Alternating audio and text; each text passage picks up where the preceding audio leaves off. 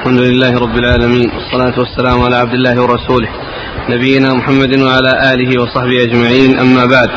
قال الإمام الحافظ أبو عيسى الترمذي رحمه الله تعالى في جامعه باب ما جاء في من قتل نفسه. قال حدثنا يوسف بن عيسى قال حدثنا وكيع قال حدثنا إسرائيل وشريك عن سماك بن حرب عن جابر بن سمرة رضي الله عنه أن رجلا قتل نفسه فلم يصلي عليه النبي صلى الله عليه وآله وسلم. قال أبو عيسى هذا حديث حسن صحيح واختلف أهل العلم في هذا. فقال بعضهم يصلي على يصلى على كل من صلى إلى القبلة وعلى قاتل النفس. وقال وهو قول الثوري وإسحاق. وقال أحمد لا يصلي الإمام على قاتل النفس ويصلي عليه غير الإمام.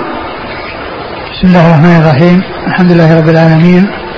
وصلى الله وسلم وبارك على عبده ورسوله نبينا محمد وعلى آله وأصحابه أجمعين. أما بعد فيقول الإمام أبو عيسى الترمذي رحمه الله في جامعة باب في الصلاة. ما جاء في من قتل نفسه. باب ما جاء في من قتل نفسه. المقصود من من هذه الترجمة في هذا الكتاب اللي هو كتاب الجنائز أي هل يصلى عليه أو لا يصلى عليه؟ في من قتل نفسه هل يصلى عليه صلاة الجنازة أو لا يصلى عليه؟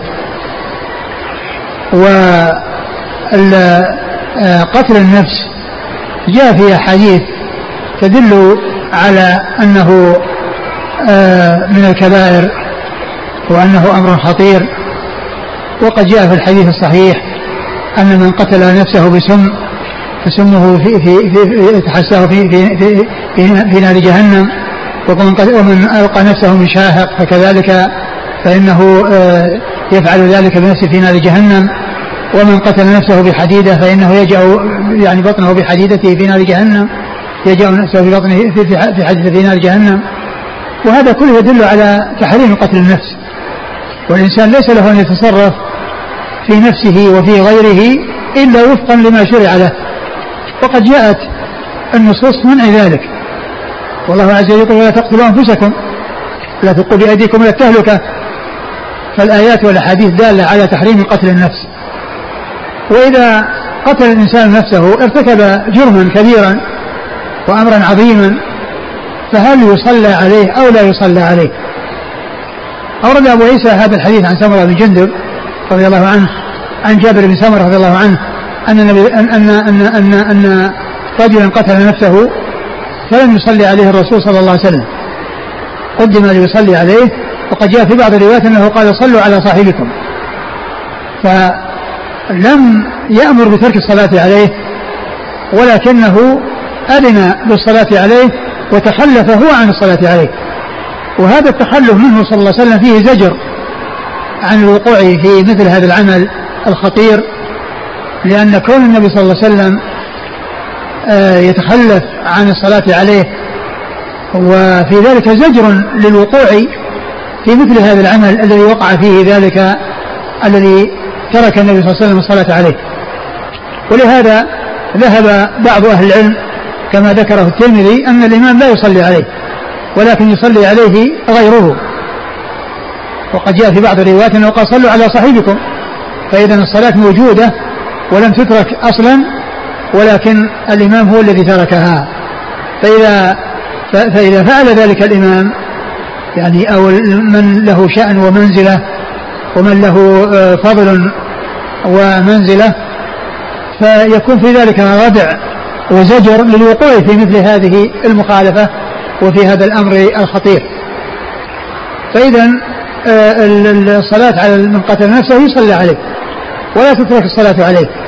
ولكن آه الإمام ومن له شأن ومنزلة والذي يحرص ويفرح بصلاته إذا تخلف فإن ذلك فيه فائدة وفيه مصلحة وهي الزجر عن الوقوع في هذا الأمر الخطير الذي آه تركت آه الصلاة عليه من الرسول صلى الله عليه وسلم من أجله فيكون في ذلك ردعا فيكون في ذلك ردع وزجر وابتعاد عن الوقوع في هذا الأمر المحرم.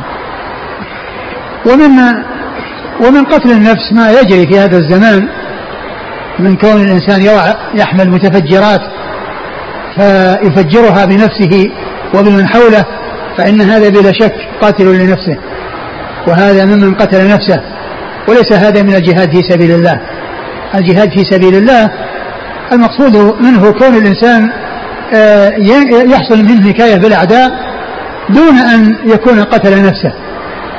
والله عز وجل ذكر الجهاد وأنه يترتب عليه قتل للمسلمين من الكفار وقتل الكفار من المسلمين. إن الله اشترى من أنفسهم وأموالهم بأنهم جنة يقاتلون في سبيل الله فيقتلون ويقتلون. ما هم يقتلون أنفسهم؟ يقتلون أعداءهم وأعداءهم يقتلونهم. ومن مات من الكفار فهو إلى جهنم. ومن مات من المسلمين فهو إلى الجنة فهو إلى الجنة التي وعد الله عز وجل بها المجاهدين في سبيله. وهذا يرجى لكل من كان كذلك. وإلا فإن القطع بالجنة لا يكون إلا لمن حصلت له الشهادة من رسول الله صلى الله عليه وسلم بأنه من أهل الجنة. لكن من عمل صالحا فيرجى له الخير ومن عمل سوءا يخشى عليه الشر. ولهذا فإن آه، كون الإنسان آه، يلقي بنفسه إلى التهلكة ويهلك نفسه بحجة أنه سيدمر آه، غيره أو يهلك غيره هذا لا يعود هذا ليس ليس هذا ليس من الشهادة في شيء وإن هذا من قتل النفس المحقق الذي لا إشكال فيه ولا خفاء فيه. نعم. قال حدثنا يوسف بن عيسى يوسف بن عيسى هو؟ ثقة أخرج البخاري ومسلم والترمذي والنسائي. ثقة أخرجه البخاري ومسلم والترمذي. والنسائي. عن وكيع. عن وكيع بن الجراح الرؤاسي الكوفي ثقة أخرجه أصحاب كتب الستة. عن إسرائيل. إسرائيل هو ثقة أخرجه أصحاب كتب الستة. وشريك. شريك بن عبد الله النخعي الكوفي آه، صدوق اختلط لما ولي القضاء وهو يخطئ كثيرا. وحديث أخرجه البخاري تعليقا ومسلم وأصحاب السنة. عن سماك بن حرب. سماك بن حرب هو صدوق أخرج حديثه البخاري تعليقا ومسلم وأصحاب السنة. عن جابر بن سمرة. عن جابر بن سمرة رضي الله عنه أخرج حديثه وأصحاب الكتب الستة. قال أبو عيسى هذا حديث حسن صحيح واختلف أهل العلم في هذا فقال بعضهم يصلى على كل من صلى إلى القبلة. يعني وعلى كل مسلم. يعني الصلاة في الجنازة تكون على كل مسلم. كل من كان مسلما يصلى عليه. وهذا من المسلمين. اللي هو قاتل نفسه من المسلمين. و والحديث والحديث ورد في تخلف الرسول صلى الله عليه وسلم الصلاة عليه وهو يدل على أن الإمام ومن له شأن ومنزلة ومن يكون في تخلفه ردع لأصحاب هذا العمل السيء الخطير. فإذا كان فتخلف مثل هؤلاء في الصلاة عليه هو الذي يوافق ما جاء به الرسول ما جاء رسول الله عليه الصلاة والسلام من كونه تخلف عن أو ترك الصلاة على قاتل نفسه. وعلى قاتل النفس وهو قول الثوري وإسحاق. يعني أنه يصلي على كل مسلم ومنهم قاتل نفس. ومنهم وهو قول الثوري اللي هو سفيان الثوري. وهو ثقة أخرج حديث أصحاب الكتب الستة وإسحاق بن راهوية الحنظلي المروزي ثقة أخرج حديث أصحاب الكتب الستة إلا ابن ماجه. وقال أحمد لا يصلي الإمام على قاتل النفس ويصلي عليه غير الإمام وهذا هو المطابق لهذا الحديث هذا هو الموافق في هذا الحديث لأن الرسول صلى الله عليه وسلم هو الإمام وتخلف عن الصلاة فإذا الإمام الذي يعني آه، آه، يكون لتخلفه منزلة له شأن لأن له منزلة فإن يكون في ذلك اقتداء برسول الله صلى الله عليه وسلم. والصلاة لا تترك. نعم. في بعض النسخ الترجمة باب ما جاء في من قتل نفسه لم يصلي عليه. وقال ما بين المعكوفتين سقط من بعض النسخ كما في النسخة التي عليها يعني هذا هو أقول هذا هو الذي يطابق آه، الترجمة من ناحية الكتاب كتاب الجناز يعني لم يصلى عليه أو هل يصلى لم يصلى عليه؟ لم يصلى عليه؟ هكذا؟ العبارة هكذا. في بعض النسخ نعم. لم يصلى عليه لا, لا يقال له صلى عليه مطلقا لأن ما في شيء يدل على منع الصلاة عليه مطلقا وإنما يدل على منع صلاة الإمام ومن يكون مثل الإمام.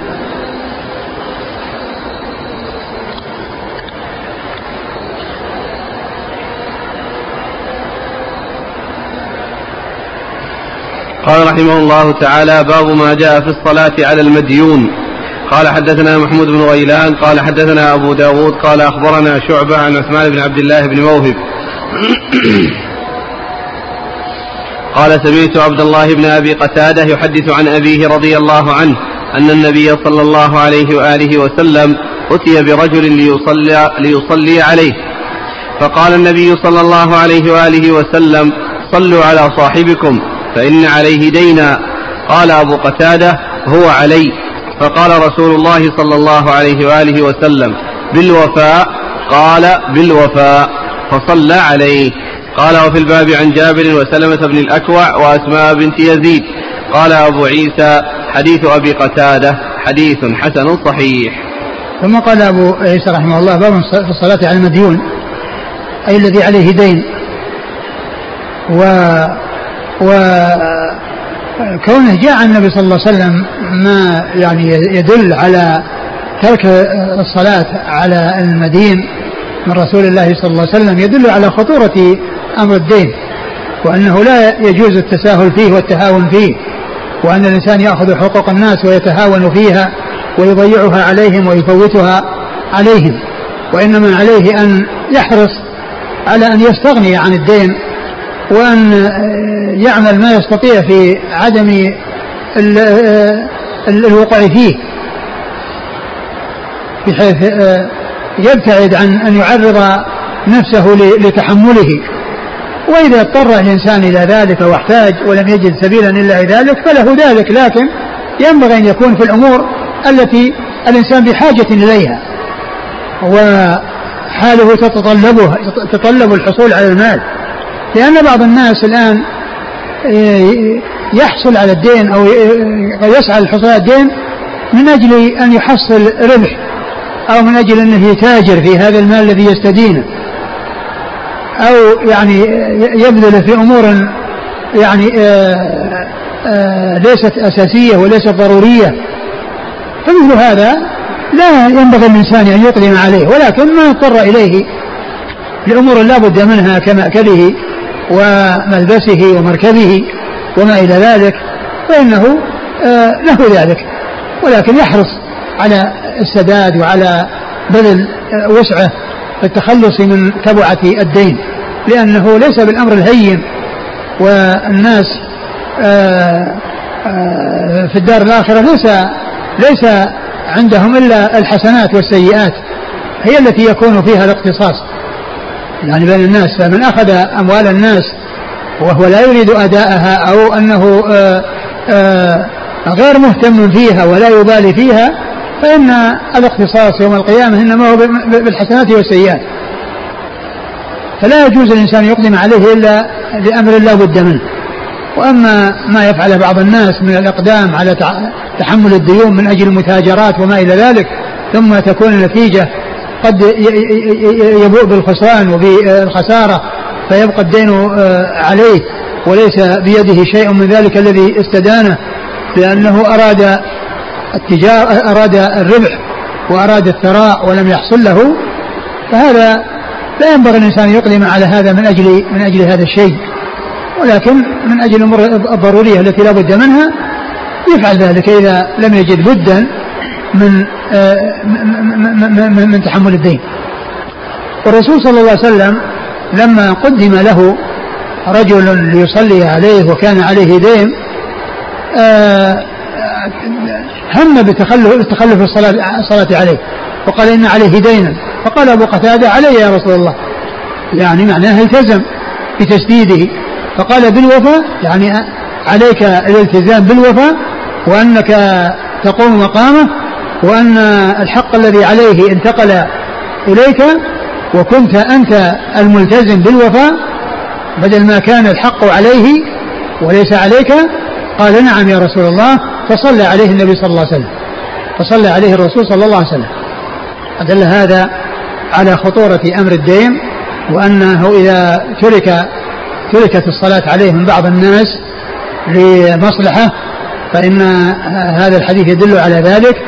وأيضا ال ال يدل أيضا على الضمان عن الميت كما أنه يكون الضمان عن الحي. و آه، وأن من حصل منه الضمان فإنه يتعين عليه أن يقوم بتسديد ما ما ضمنه وما تحمله وأن لا يتهاون في ذلك ولا يفرط في ذلك. وقد جاء في بعض الأحاديث في ما يتعلق بقصة أبي قتادة وقد قيل أن آه، عليه ديناران. فكان النبي صلى الله عليه وسلم يقوله ما بعد ذلك يقول ما فعل الديناران؟ يعني سأله يسأله الرسول صلى الله عليه وسلم عن هل تم تسديدها؟ ما فعل الديناران. فهذا يدل على خطورة أمر الدين وأنه لو كان شيئا قليلا لأن الدينار الدينارين هي من الأشياء القليلة. ليست مبالغ طائلة ولكن الدين هو خطير سواء قل المقدار أو كثر. نعم. قال حدثنا محمود بن غيلان. محمود بن غيلان الدمشقي ثقة أخرجه أصحاب كتب الستة إلا أبا داود. عن أبي داود. عن أبي داود سليمان بن داود الطيالسي ثقة أخرجه البخاري تعليقا ومسلم وأصحاب السنة. عن شعبة. عن شعبة بن الحجاج الواسطي ثقة أخرج له أصحاب كتب الستة. عن عثمان بن عبد الله بن موهب. عن عثمان بن عبد الله بن موهب هو ثقة أخرج أصحاب الكتب إلا أبا داود. ثقة أخرج أصحاب الكتب الستة إلا أبا داود. عن عبد الله بن أبي قتادة. عبد الله بن أبي قتادة ثقة أخرج حديث أصحاب الكتب الستة عن أبي عن أبي أبي قتادة الحارث بن ربعي الأنصاري رضي الله عنه أخرج حديث أصحاب الكتب الستة قال وفي الباب عن جابر. جابر بن عبد الله الأنصاري رضي الله تعالى عنهما أحد المكثرين من حديث رسول الله صلى الله عليه وسلم. وسلمة بن الأكوع. سلمة بن الأكوع أخرج حديث أصحاب الكتب الستة وأسماء بنت يزيد. وأسماء بنت يزيد أخرج حديثها. البخاري في المفرد وأصحاب السنة. البخاري في المفرد وأصحاب السنة. قال أبو عيسى حديث أبي قتادة حديث حسن صحيح.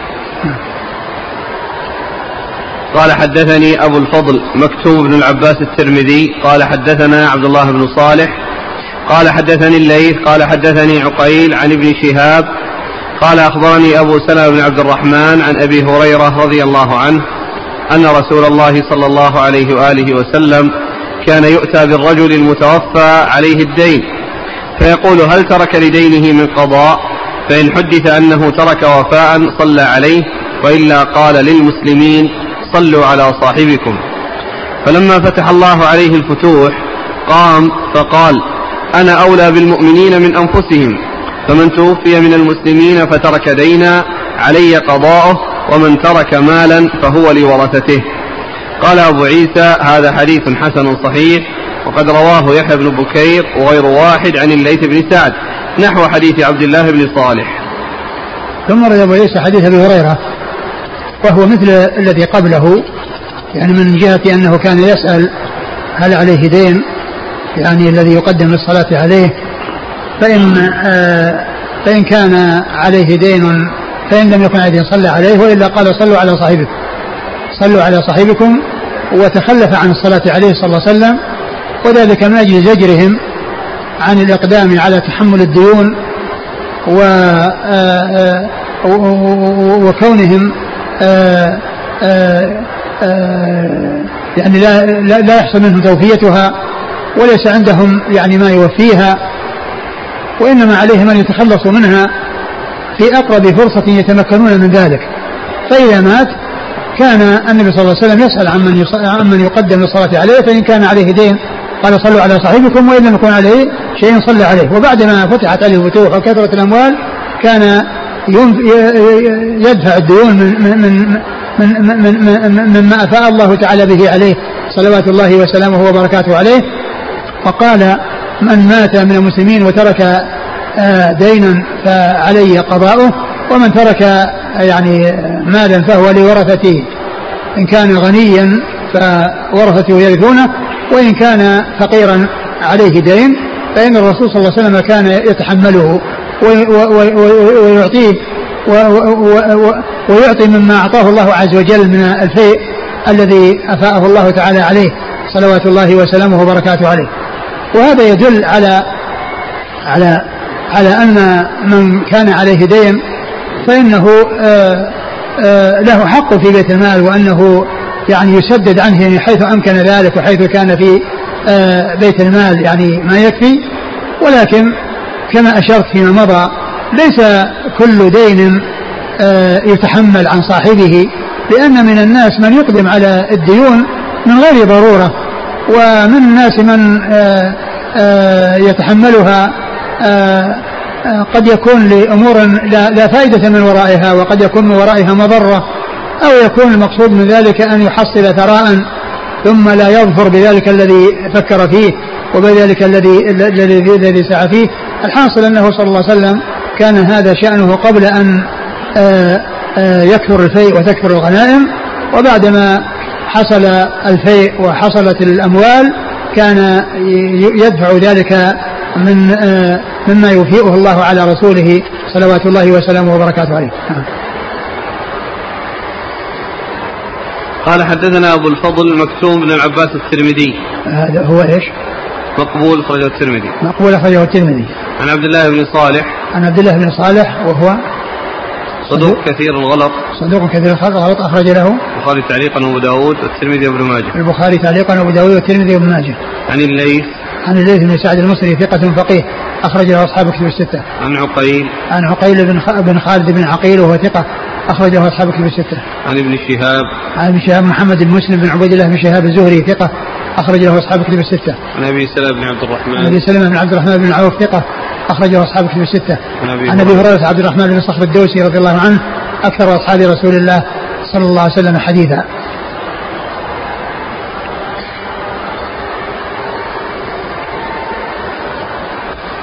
قال أبو عيسى هذا حديث حسن صحيح وقد رواه يحيى بن بكير. يحيى بن بكير هو ثقة أخرج البخاري ومسلم وابن ماجه. ثقة أخرج البخاري ومسلم وابن ماجه. وغير واحد عن الليث بن سعد نحو حديث عبد الله بن صالح. آه. قال رحمه الله تعالى باب ما جاء في عذاب القبر. قال حدثنا أبو سلمة يحيى بن خلف قال حدثنا بشر بن المفضل عن عبد الرحمن بن إسحاق عن سعيد بن أبي سعيد المقبوري عن أبي هريرة رضي الله عنه أنه قال قال رسول الله صلى الله عليه وآله وسلم إذا قبر الميت أو قال أحدكم أتاه ملكان أسودان أزرقان يقال لأحدهما المنكر والآخر النكير فيقولان ما كنت تقول في هذا الرجل؟ فيقول ما كان يقول هو عبد الله ورسوله. أشهد أن لا إله إلا الله وأن محمدا عبده ورسوله. فيقولان قد كنا نعلم أنك تقول هذا ثم يفسح له في قبره سبعون ذراعا في سبعين ثم ينور له فيه ثم يقال له نم. فيقول أرجع إلى أهلي فأخبرهم. فيقولان نم كنومة العروس الذي لا يوقظه إلا أحب أهله إليه حتى يبعثه الله من مضجعه ذلك. وإن كان منافقا قال سمعت الناس يقولون فقلت مثله لا أدري. فيقولان قد كنا نعلم أنك تقول ذلك. فيقال للأرض التئمي عليه فتلتئم عليه فتختلف فيها أضلاعه فلا يزال فيها معذبا حتى يبعثه الله من مضجعه ذلك. قال وفي الباب عن علي وزيد بن ثابت وابن عباس والبراء بن عازب وأبي أيوب وأنس وجابر وعائشة وأبي سعيد رضي الله عنهم أجمعين. كلهم رووا عن النبي صلى الله عليه وآله وسلم في عذاب القبر. قال أبو عيسى حديث أبي هريرة حديث حسن غريب. ثم ورد أبو عيسى باب في عذاب القبر. وعذاب القبر تواترت الأحاديث عن رسول الله صلى الله عليه وسلم وكثرت في ثبوته وأنه حق وكذلك النعيم في القبر لمن يستحقه. كل ذلك تواترت بلا حديث وكثرت بلا حديث عن رسول الله صلى الله عليه وسلم. وقد جاء عذاب القبر في القرآن يقول الله عز وجل في آل فرعون النار يعرضون عليها غدوا وعشيا ويوم تقوم الساعة أدخلوا آل فرعون أشد العذاب. فهذا فيه الدلالة على عذاب القبر. لأنهم يعذبون في قبورهم بالنار ويعرضون عليها غدوا وعشيا. وإذا قامت الساعة وقام الناس من قبورهم فإنهم ينتقلون من عذاب شديد إلى عذاب أشد. كما قال الله عز وجل يوم تقوم الساعة أدخلوا آل فرعون أشد العذاب. ينتقلون من عذاب شديد إلى عذاب أشد. وقد جاء عن النبي صلى الله عليه وسلم أنه قال لولا أن لا تدافنوا لدعوت الله أن يسمعكم من عذاب القبر ما أسمع. لولا تدافنوا لدعوت الله يسمعكم من عذاب القبر ما أسمع. وأورد أبو عيسى حديث أبي هريرة. نعم. حديث أبي هريرة رضي الله عنه. قال إذا إذا قبر الميت أو قال أحدكم أتاه ملكان أسودان أزرقان. إذا قبر الميت أو قال أحدكم آه عذاب القبر ليس خاصا بمن يقبر ويوارى بالتراب. بل كل من يستحق عذاب القبر يصل إليه عذابه سواء قبر أو غرق في البحر وأكلته الحيتان أو مات أو أكلته السباع في البر أو احترق وطار في الهواء الله عز وجل يوصل إلى من يستحق العذاب العذاب على أي حالة كانت وعذاب القبر ونعيمه هو من الأمور الغيبية. التي لا تدرك بالعقل ولا تدرك بالرأي والمشاهدة وأن الناس يشاهدونها فإن القبر يكون فيه العذاب ولو فتح ما رؤي فيه عذاب ولا رؤي فيه نار ولا رؤي جنة لأن هذه أمور غيبية لا يطلع عليها الناس ولا يشاهدونها. والرسول صلى الله عليه وسلم لما صلى بالناس صلاة الكسوف عرض عليه الجنة وعرض عليه النار هو رآها والصحابة الذين وراءه ما رأوها. ولهذا قال في حديث لولا أن لا تدافنوا لو دعوت الله أن يسمعكم من عذاب القبر ما أسمع. الله تعالى أطلعه وأسمعه ما يجري في القبور وما يحصل لأهل القبور من العذاب. لولا لا تدافنوا لو الله يسمعكم من عذاب القبر ما أسمع. فالعذاب يصل لمن يستحقه. ولا يقال إن إن إنه إذا إذا لم يقبر وأنها أكلت السباع أو اكلت الحيتان أو احترق أو لم يقبر ولكنه تمزق جلده وتلاشى العذاب يصل لم يستحقه. وفي القبر كما هو معلوم يأكل التراب يعني يأكله ولكن لا يقال إنه لا يصل إليه العذاب. الله عز وجل يوصل العذاب إلى الروح وإلى الجسد. يوصل العذاب إلى الروح والجسد والناس لا يعرفون الكيفية لأن هذه أمور غيبية والواجب هو الإيمان بالغيب. والغيب مدح الله أهله في قوله ألف لام من ذلك الكتاب لا ريب فيه هدى للمتقين الذين يؤمنون بالغيب. فأول صفات المتقين أنهم يؤمنون بالغيب. والغيب هو ما غاب عن الإنسان مما لا يعرف إلا بالشرع ما غاب عن الإنسان أو عن الناس مما لا يعرف إلا بالشرع يعني مثل عذاب القبر ومثل الأمور المستقبلة التي جاءت النصوص في الإخبار بها وكذلك الأمور الماضية التي حصلت الامم السابقة وكذلك ما يجري في السماء وما يجري يعني آه، من من من من أمور لا نشاهدها مثل الجن والملائكة وغير ذلك من الأمور من مما هو موجود لكن لا نشاهده ولا نعاينه. فقوله إذا قبر الميت يعني آه، لأن هذا هو الغالب إن الناس يقبرون. ولكن ليس عذاب القبر يختص بمن قبر بل كل من مات وهو مستحق لعذاب القبر فإنه يصل إليه العذاب. والله على كل شيء قدير. إذا قبر الرجل أو أحدكم؟ شيخ. الحديث؟ إذا قبر الميت أو قال أحدكم. قبر الميت أو قال أحدكم يعني هذا شك من الراوي. أتاه ملكان أسودان أزرقان. يقال لأحدهما المنكر وللثاني النكير. فيسألانه عن ربه ونبيه صلى الله عليه وسلم فمن كان موفقا فإنه يجيب بما كان يجيبه في الدنيا. لأنه كان مؤمنا مصدقا فيقول أنا قد علمنا أنك كنت تقول ذلك. وأما إذا كان منافقا يقول سمعت الناس يقولون شيئا فقلته فالمؤمن يوسع له في قبره وينور والمنافق يضيع يضيق عليه قبره حتى تختلف أضلاعه. ويقال لكل منهما يعني يقال الأول نم فيعني حتى يبعثك الله إلى مقعدك يعني حتى يبعث ويذهب إلى المكان الذي أعده الله له في الجنة. وهذا كذلك يبقى في ما هو فيه من العذاب حتى يصل المكان الذي هيأ له في النار. نعم. وقولها أسودان أزرقان المقصود بالزرقه زرقه العيون. نعم.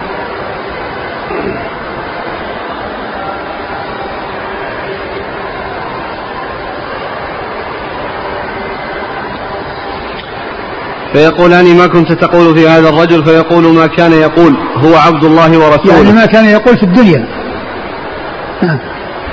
أشهد أن لا إله إلا الله وأن محمدا عبده ورسوله. فيقولان قد كنا نعلم أنك تقول هذا. ثم يفسح له في قبره سبعون ذراعا في سبعين. نعم. ثم ينور له فيه. ثم يقال له نم. فيقول أرجع إلى أهلي فأخبرهم. فيقولان نم كنومة العروس الذي لا يوقظه إلا أحب أهله إليه. حتى يبعثه الله من مضجعه ذلك. وإن كان منافقا قال سمعت الناس ولكن يقولون ولكن النعيم يعني قد جاء في حديث آخر أنه إذا كان من الموفقين و آه، آه، يفتح له باب إلى الجنة فيأتيه من روحها ونعيمها. وإذا كان من أهل النار يأتيه يفتح له باب إلى النار فيأتيه من حرها وسمومها. ويبقى في هذا النعيم في قبره وهذا في هذا العذاب في قبره. وبعد البعث والنشور ينتقل هذا إلى نعيم الجنة بحيث يدخلها ويتمتع فيها بما أعد الله تعالى فيها من النعيم. وهذا يدخل في النار ويعذب فيها بما أعده الله لأهلها من الجحيم. نعم. وإن كان منافقا قال سمعت الناس يقولون فقلت مثله لا أدري. فيقولان قد كنا نعلم أنك تقول ذلك. فيقال للأرض التئمي عليه فتلتئم عليه. يعني هذاك وسع له حتى صار سبعين في سبعين ونور وهذا قيل التئمي عليه. هذا وسع له وهذا ضيق عليه. نعم. فتلتئم عليه فتختلف فيها أضلاعه فلا يزال فيها معذبا حتى يبعثه الله من مضجعه ذلك.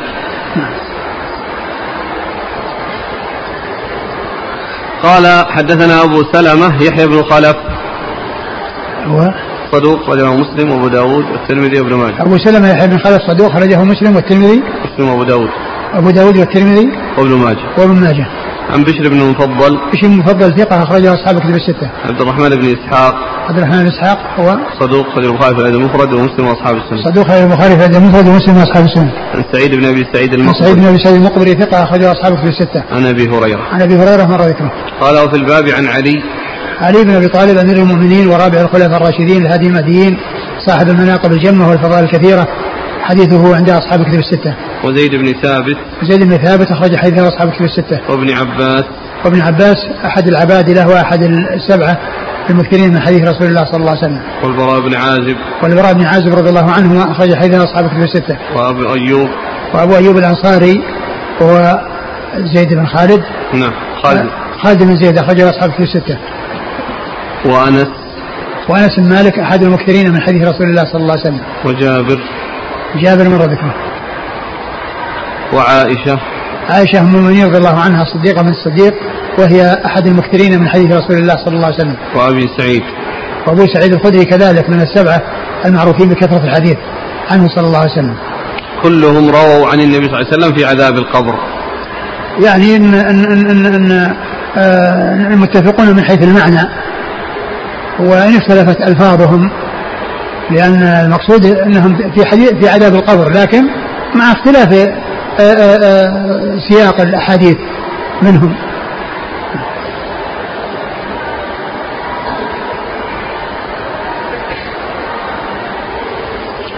قال يعني, يعني ليست روايتهم لهذا الحديث أو أنها مثل هذا الحديث بل هم آه، متفاوتون في الصيغ يعني ولكنها كلها تدور حول عذاب القبر هو متواتر ولكن يسمونه التواتر المعنوي. التواتر المعنوي ليس التواتر اللفظي. نعم.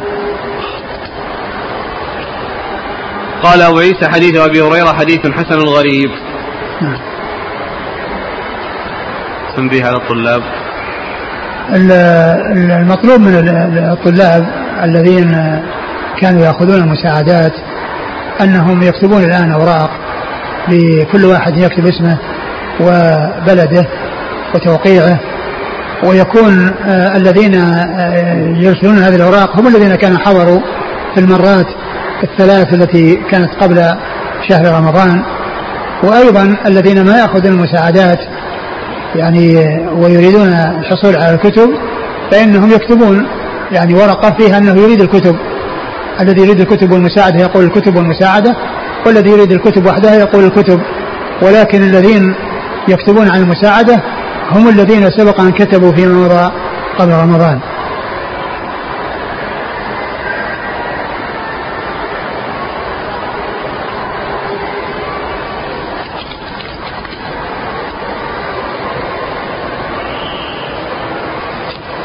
قال حدثنا هناد قال حدثنا عبده عن عبيد الله عن نافع عن ابن عمر رضي الله عنهما أنه قال قال رسول الله صلى الله عليه وآله وسلم إذا مات الميت عرض عليه مقعده بالغداة والعشي فإن كان من أهل الجنة فمن أهل الجنة وإن كان من أهل النار فمن أهل النار.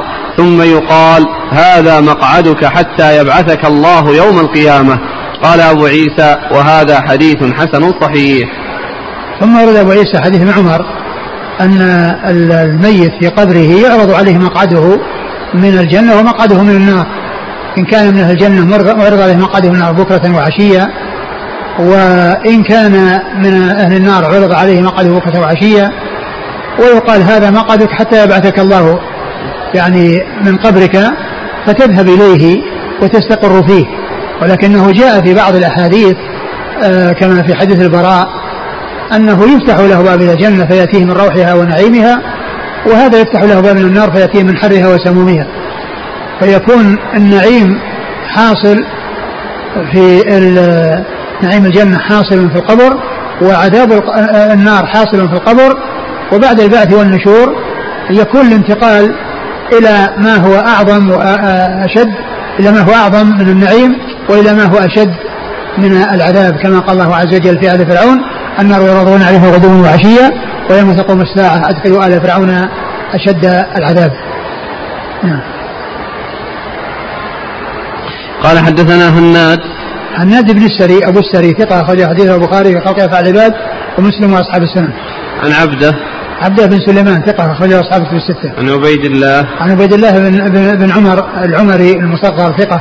أخرجه أصحاب في الستة. عن نافع. عن نافع مولى بن عمر ثقة أخرجه أصحاب في الستة. عن عبد الله بن عمر رضي الله عنهما أحد العبادلة وأحد السبع المكثرين من حديث رسول الله صلى الله عليه وسلم.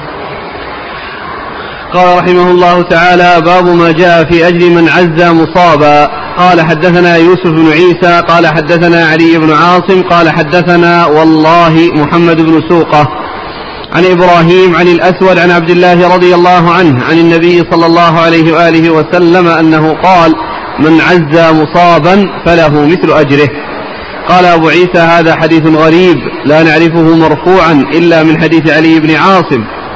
وروى بعضهم عن محمد بن سوقة بهذا الإسناد مثله موقوفا ولم يرفعه ويقال أكثر ما ابتلي به علي بن عاصم بهذا الحديث نقموا عليه.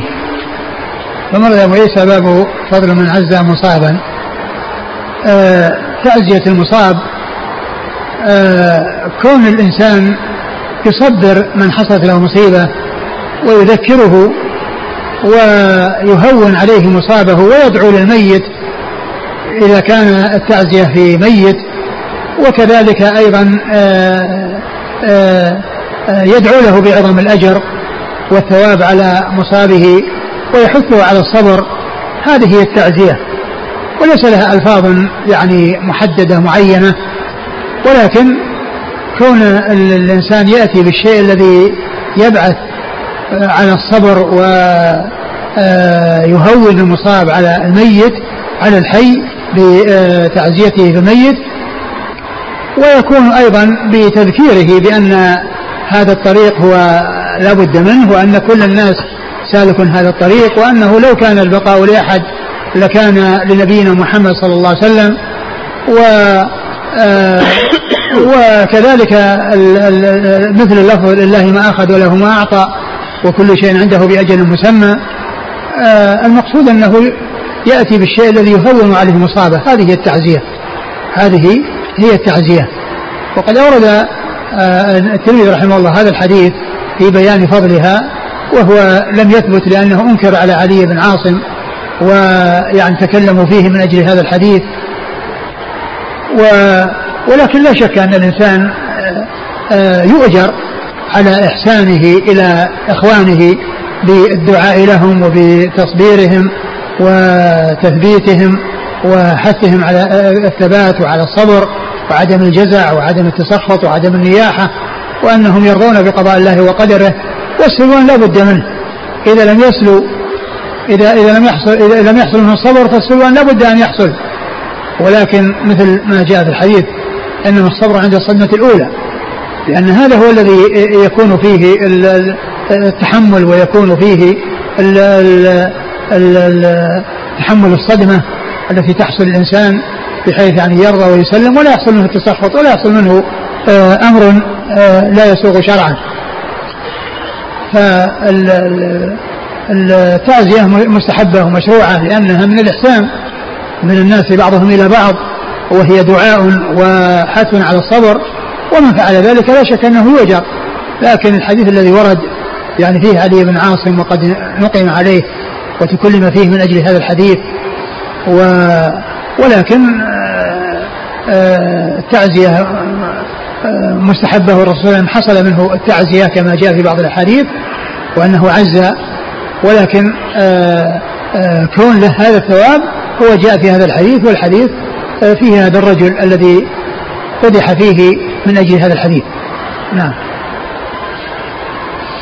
قال حدثنا يوسف بن عيسى. يوسف بن عيسى مر ذكره. عن علي بن عاصم. عن علي بن عاصم قال صدوق يخطئ ويصر. يخطئ ويصر يعني على الخطأ. آه. أبو داود والترمذي وابن ماجه أخرج أبو داود والترمذي وابن ماجه قال حدثنا والله محمد بن سوقة محمد بن سوقة ثقة أخرجه أصحاب في الستة عن إبراهيم عن إبراهيم بن يزيد بن قيس النخعي وهو ثقة أخرجه أصحاب في الستة. عن الأسود عن الأسود وهو ثقة أخرجه أصحاب في الستة. عن عبد الله عن عبد الله بن مسعود رضي الله عنه أخرج حديثه أصحاب في الستة. قال أبو عيسى هذا حديث غريب لا حاتم المؤدب نعم هو ثقة أخرجه الترمذي والنسائي. ثقة أخرجه الترمذي والنسائي. عن يونس بن محمد. يونس بن محمد ثقة أخرجه أصحابه في الستة. عن أم الأسود. عن أم الأسود وهي ثقة أخرجه الترمذي. ثقة أخرجه الترمذي. عن منية بنت عبيد. عن منية وهي مجهولة لا يعرف حالها أخرجها الترمذي. عن جدها أبي برزة. عن أبي برزة الأسلمي رضي الله عنه و... و... و... وأخرج حديث أصحاب في الستة. قال هذا حديث غريب ليس إسناده بالقوي. نعم. قال رحمه الله تعالى باب ما جاء في رفع اليدين على الجنازة. قال حدثنا القاسم بن دينار الكوفي قال حدثنا إسماعيل بن أبان الوراق عن يحيى بن يعلى عن أبي فروة يزيد بن سنان عن زيد وهو ابن أبي أنيسة عن الزهري عن سعيد بن المسيب عن أبي هريرة رضي الله عنه أن رسول الله صلى الله عليه وآله وسلم كبر على جنازة فرفع يديه في أول تكبيرة ووضع اليمنى على اليسرى. قال أبو عيسى هذا حديث غريب لا نعرفه إلا من هذا الوجه. واختلف أهل العلم في هذا فرأى أكثر أهل العلم من أصحاب النبي صلى الله عليه وآله وسلم وغيرهم.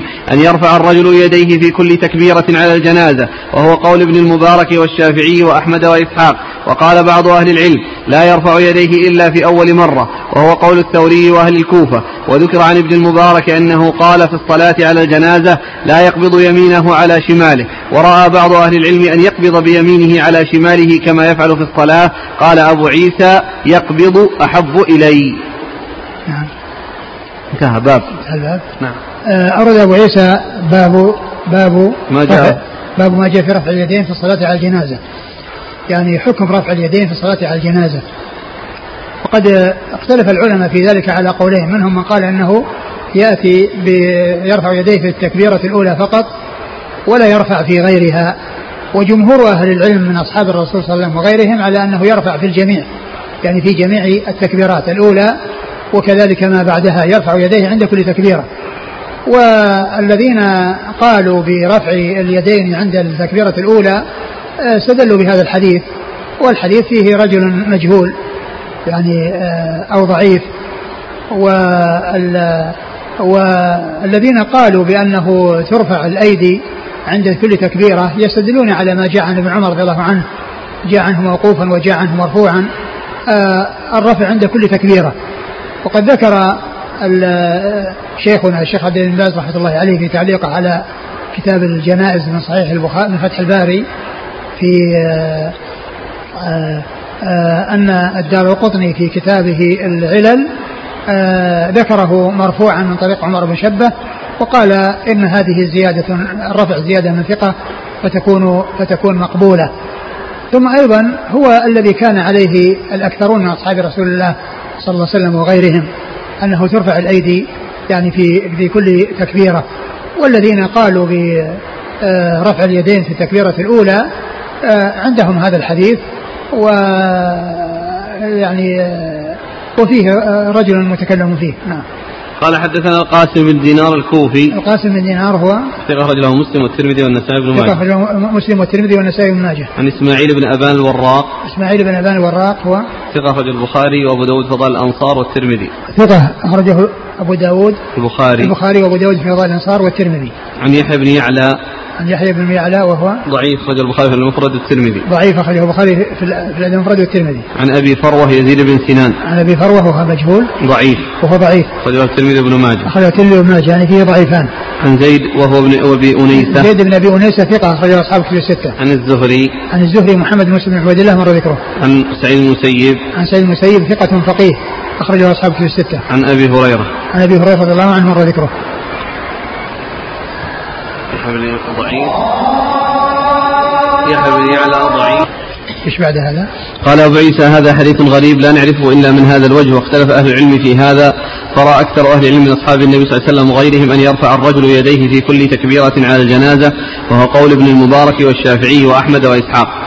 وقال بعض أهل العلم لا يرفع يديه إلا في أول مرة وهو قول الثوري وأهل الكوفة. وذكر عن ابن المبارك أنه قال في الصلاة على الجنازة لا يقبض يمينه على شماله. ورأى بعض أهل العلم أن يقبض بيمينه على شماله كما يفعل في الصلاة. قال أبو عيسى يقبض أحب إلي. وهذا المسألة الثانية التي هي مسألة القبض. يعني جاءت فيها الأحاديث العامة التي التي هي أن النبي صلى الله عليه وسلم إذا كان قائما في الصلاة وضع اليمين على الشمال. وهذه صلاة فتكون داخلة. داخلة تحت وكذلك مثلها صلاة الاستسقاء وصلاة الكسوف.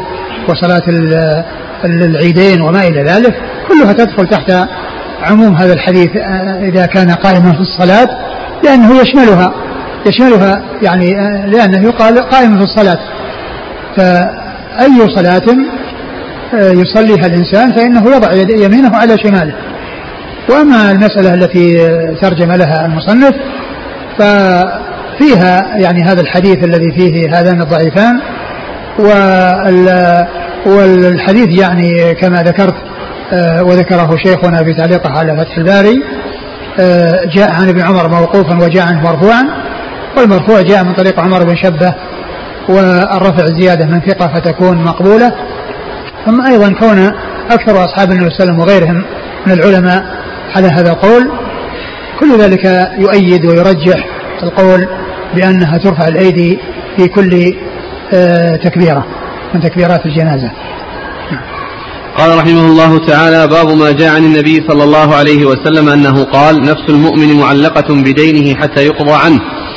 قال حدثنا محمود بن غيلان قال حدثنا أبو أسامة عن زكريا بن أبي زائدة عن سعد بن إبراهيم عن أبي سلمة عن أبي هريرة رضي الله عنه أنه قال قال رسول الله صلى الله عليه وآله وسلم نفس المؤمن معلقة بدينه حتى يقضى عنه. بعده. قال حدثنا محمد بن بشار قال حدثنا عبد الرحمن بن مهدي قال حدثنا إبراهيم بن سعد عن أبيه عن عمر بن أبي سلمة عن أبيه عن أبي هريرة رضي الله عنه عن النبي صلى الله عليه وآله وسلم أنه قال نفس المؤمن معلقة بدينه حتى يقضى عنه. قال أبو عيسى هذا حديث حسن وهو أصح من الأول. ثم ورد أبو عيسى باب ما جاء أن نفس المؤمن معلقة بدينه حتى يقضى عنه.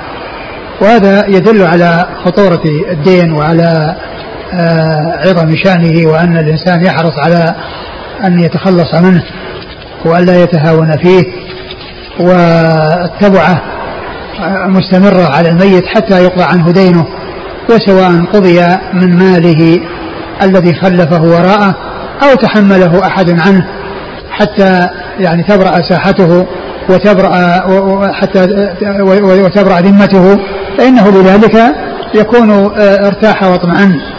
إيش قال في نفس معلقة في الشرح قال نفس معلقة. أي قال السيوطي أي محبوسة عن مقامها الكريم. وقال العراقي أي أمرها موقوف لا حكم لها بنجاة ولا هلاك حتى ينظر. هل يقضى ما عليها من الدين أم لا؟ نعم. قال وسواء ترك الميت وفاء أم لا كما صرح به جمهور أصحابنا وشذ, وشذ الماوردي فقال إن الحديث محمول على من يخلف وفاء. لأن لأن لأن إذا ترك ترك الميت وراءه ولم يقضى عنه حقوق الناس متعلقة في ذمته. فكونه خلف وفاء ولكن لم يوفى عنه يعني معنى ذلك أن ذمته لا تزال مشغولة والتبعة لا تزال قائمة. ولا يتخلص من تبعة الدين إلا بسداده عنه سواء سدد من ماله الذي خلفه وراءه أو تحمله غيره عنه وبرئت ذمة المدين آه، بما تحمله غيره عنه من الأحياء كما جاء في قصة آه، أبي قتادة رضي الله عنه وتحمله الدين الذي كان على الرجل الذي قدم للصلاة عليه وسلم وقال آه، أنا أتحمله ما يا رسول الله فصلى عليه النبي عليه الصلاة والسلام نعم قال حدثنا محمود بن غيلان عن أبي أسامة أبو أسامة حماد بن أسامة ثقة أخرج أصحاب كتب الستة. عن زكريا بن أبي زائدة. ثقة أخرج أصحاب كتب الستة. عن سعد بن إبراهيم. ثقة أخرج أصحاب كتب الستة. عن أبي سلمة عن أبي هريرة. مر ذكرهما. عن مح... قال حدثنا محمد بن بشار عن عبد الرحمن بن مهدي نعم. عن إبراهيم بن سعد. إبراهيم بن سعد ثقة أخرج أصحاب كتب الستة. عن أبيه عن عمر بن أبي سلمة. عمر بن أبي سلمة صدوق أخرج له. ها؟ صدوق يخطئ أخرج البخاري تعليقا وأصحاب السنة. ثقة صدوق صدوق يخطئ. لا صدوق يخطئ. أخرج البخاري تعليقا وأصحاب السنة. البخاري تعليقا وأصحاب السنة. عن أبيه عن أبي هريرة. أبو هريرة أبوه أبو سلمة وأبو هريرة مر ذكرهم. قال حديث قال أبو عيسى هذا حديث حسن وهو أصح من الأول. والله تعالى أعلم وصلى الله وسلم وبارك على عبده ورسوله نبينا محمد وعلى آله وأصحابه أجمعين. جزاكم الله خيرا وبارك الله فيكم ونفعنا الله بما قلتم. غفر الله لنا ولكم وللمسلمين أجمعين. يقول السائل من قتل نفسه هل يخلد في النار؟ هو ورد في الحديث يعني آه، الذي فيه من تردى من شاهق أو من قتل نفسه بالسم أنه خالدا مخلدا فيها أبدا. لكن هذا خلود نسبي ليس مثل خلود الكفار لأن الخلود الذي لا نهاية له إنما هو خاص بالكفار. وأما أي خلود فإنه آه، لغير الكفار فإنه يكون نسبيا. يعني ليس خلودا دائما إلى غير نهاية كما هو الشأن في خلود الكفار وإنما هو هل للإمام أن يسأل عن الميت؟ هل عليه دين أم لا؟ آه الرسول صلى الله عليه وسلم كان يفعل ذلك في أول الأمر ثم إنه ترك بعد ذلك في الآخر وقال إنه يتحمل يعني عنه. هل هل يترك الإمام الصلاة على أهل الكبائر غير قاتل النفس قياسا عليه؟ يمكن يمكن إذا كان مثلا بعض الذنوب الخطيرة التي يعني يحصل الزجر آه، بتخلف يعني إذا كان يترتب عليه مصلحة يفعل منكر عذاب القبر أو فتنة القبر هل يبدع أو يكفر؟ آه، الأحاديث في ذلك متواترة عن رسول الله صلى الله عليه وسلم وقد جاءت في القرآن والذين يعني يقولون بإنكارها أو من قال بإنكارها المعتزلة فإنهم يقولون في آه، ومعلوم الأحاديث في ذلك متواترة ثابتة عن رسول الله صلى الله عليه وسلم وليست قليلة وأيضا جاء في القرآن فمن أنكر ذلك فإنه يحكم بكفره. بعض الناس يستدين من البنك العقاري مبالغ كبيرة للبناء. ثم لا يرد تلك المبالغ إلى البنك بحجة أن مال الحكومة من أموالنا فهي من حقنا. فما رأيكم؟ هذا ليس بصحيح. ليس الإنسان يتخلف لأن هذا المال ليس له بل هو غيره. يعني ليس الحق ليس خاصا به بل هو له ولغيره. وهذا فيه مساعدة هو لغيره. وهذا المال الذي يرجعه يعطى لشخص آخر. يعني حتى يقوم بالبناء مثل ما مثل ما فعل. فلا ينبغي أن يتساهل في الديون لا من آه، أموال الدولة ولا من غيرها. شكر الله لكم وغفر